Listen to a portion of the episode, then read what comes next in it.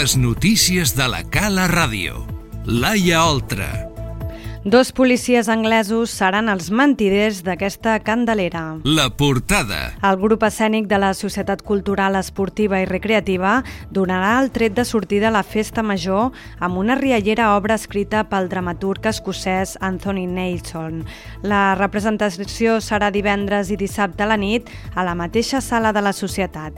Daniel Rodríguez. La història de mentiders narra l'arribada de dos policies anglesos a una casa a la nit de Nadal per comunicar un matrimoni una mala mala notícia, però els agents compadits de la parella expliquen una mentida que s'anirà fent cada vegada més grossa fins provocar situacions surrealistes. Una obra emblemàtica del teatre de l'absurd, caracteritzada per l'humor anglès de dues hores de durada, representada a temps real i sense descans. Els codirectors del grup escènic de la Societat, Josep Tomàs Margalef i Joan Pere Brull, avancen quins actors i actrius formen part del repartiment. Los policies una mica curs de gambals, són un fill hivern i David Puente. Els dos són principals de l'obra. Després estan los, los dos abuelos, un lo tenim aquí al costat, que és Joan Pere, i la Sofia Perramon. Pues després tenim un capellà, que és de fora. És una nova, un nou fitxatge que han fet enguany. I tenim el personatge que és lo que acosa, d'alguna per dir-ho d'alguna manera, als policies perquè facin la seva feina ben feta i que més que és la, una, una artista contrastada, que és la, la Noemi. I després també tenim el paper que és filla d'aquesta lluitadora, que és una, una aportació de, de, de part del grup juvenil cap al gran, que és l'Astrid Brull, filla de Miquel de Mondeli, que fa un paper de, de bueno, paperet molt guapet, molt, molt, molt, i més molt ben interpretat. I al final, la Benzabet Benages pues, mos fa el favor de fer esta aparició al final de l'obra. L'obra es representarà aquest divendres a les 10 i mitja de la nit i dissabte a les 10 de la nit. Les entrades numerades es poden comprar anticipadament dijous de 6 a 8 a la taquilla de la societat o bé el mateix dia, una hora abans de començar. El preu és de 5 euros pels socis i 7 per la resta. Doctor Prats farà vibrar la Mella de Mar. Dissabte 26 de gener, a l'envelat del Port Pesquer, arribaran els Doctor Prats per celebrar la Candelera. I a més, concert de Joan Rovira i la seva banda.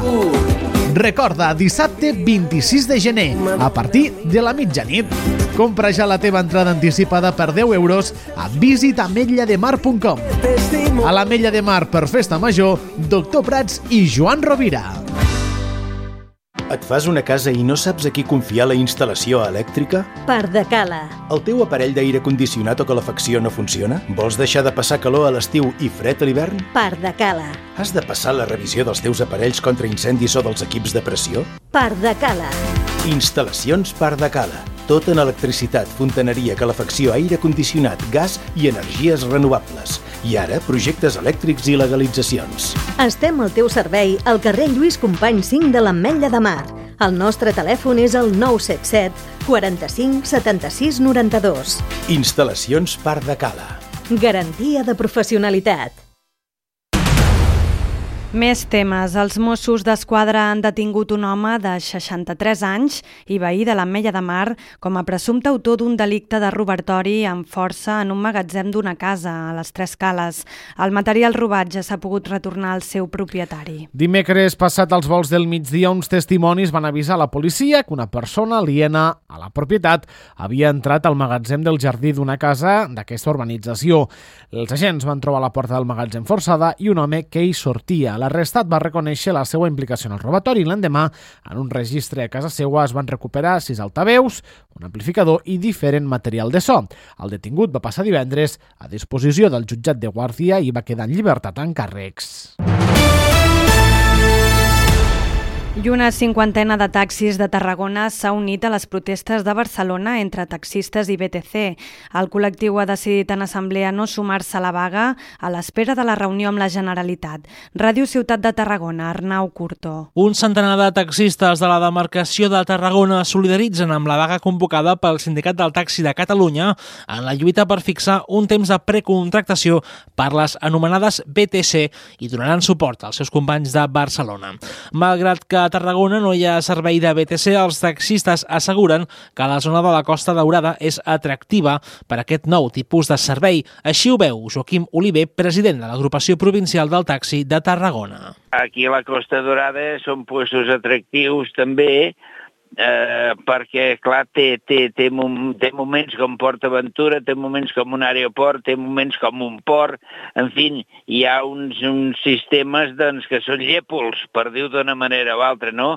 Però nosaltres aquí estem ja eh, molt, molt cuidado del tema. Per això anem donant el suport també als nostres companys de la part de Barcelona, perquè veiem que com més suport hi hagi, millor. Cal recordar que, segons un estudi publicat per Facua l'any 2017, Tarragona és la ciutat amb els taxis més cars de tot l'Estat, seguida de prop de Sant Sebastián.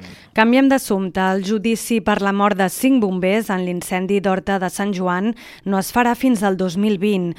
El jutjat de Gandesa segueix resolent les tramitacions per fer-lo amb jurat popular, però Fiscalia descarta que se celebri enguany en tractar-se d'un cas molt complex i amb molts testimonis més. La instrucció va durar més de dos anys, però el procés per jutjar l'incendi d'Horta de Sant Joan, on van morir cinc bombers i un sisè va resultar ferit de gravetat, s'ha allargat en els últims anys perquè els advocats dels dos presumptes piròmans han batallat per jutjar-los amb un tribunal popular i no un de professional, com va determinar l'Audiència de Tarragona. L'octubre de 2017 el Tribunal Suprem va avalar aquesta petició i el cas va tornar al jutjat d'instrucció de Gandesa per refer el procediment. Per fixar la data de judici amb les qualificacions de fiscalia i Llestes falten les de les defenses que han assegurat que no se'ls ha fet encara el requeriment. Les notícies de la Cala Ràdio. I acabem explicant-los que l'increment de les importacions d'arròs asiàtic en els darrers anys han provocat una pèrdua de la quota de mercat de l'arròs que es produeix a Europa. La Unió Europea vol posar fre a la situació amb l'aprovació d'un aranzel. A més d'afavorir la recuperació de preus, es busca restablir l'equilibri entre arrossos llargs i rodons. Susana Casas, Canal Terres de l'Ebre. La Unió Europea ha mogut fitxa per protegir l'arròs europeu del d'altres mercats exteriors com l'asiàtic. Les importacions d'arròs llarg originari de Cambodja i Myanmar, l'antiga Birmania, havien augmentat fins a un 89%, provocant una subcotització en els preus dels arrossos europeus. La pèrdua de la quota del mercat havia arribat al 22%. Per revertir-ho, la Unió Europea ha aprovat una clàusula de salvaguarda que imposa aranzels. Marcel Matamoros és responsable d'arròs de la Federació de Cooperatives Agràries de Catalunya. Que distorsionava el preu del mercat i a més a més eh, canviava la tendència eh, aquí a Espanya de de les zones que produeixen arròs, arròs llarg tradicionalment, eh, estàvem passant arròs redó i llavors també estàvem augmentant moltíssim la producció d'arròs redó a, aquí a Espanya, trencant l'equilibri, ja que l'arròs redó mm, bàsicament se, se, se comercialitza a Espanya, Itàlia i algun país més. Els aranzels seran de 175 euros per tona el primer any, 150 al segon i 125 el tercer. Les cooperatives esperen la recuperació del mercat europeu, tenint en compte també els requisits especialment exigents a nivell de qualitat i respecte al medi ambient. L'actualitat segueix a la cala rtb.cat.